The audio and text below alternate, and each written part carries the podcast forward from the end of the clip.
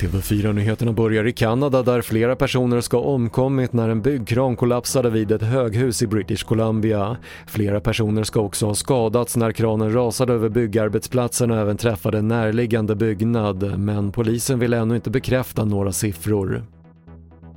Två personer har gripits i Arboga efter en misshandel utomhus sent igår kväll. Personen som blev misshandlad fördes till sjukhus men skadeläget är oklart.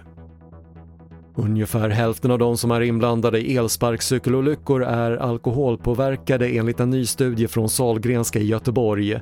Det är större andel berusade än vad det har varit i internationella studier där 37% haft alkohol i blodet.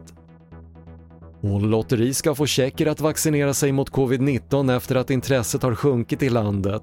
Två mottagningar har öppnats i Prag där det går att vaccinera sig utan att boka tid och där de som vaccinerar sig får lotter som gör att de kan vinna mobiltelefoner, träningsskor och spel.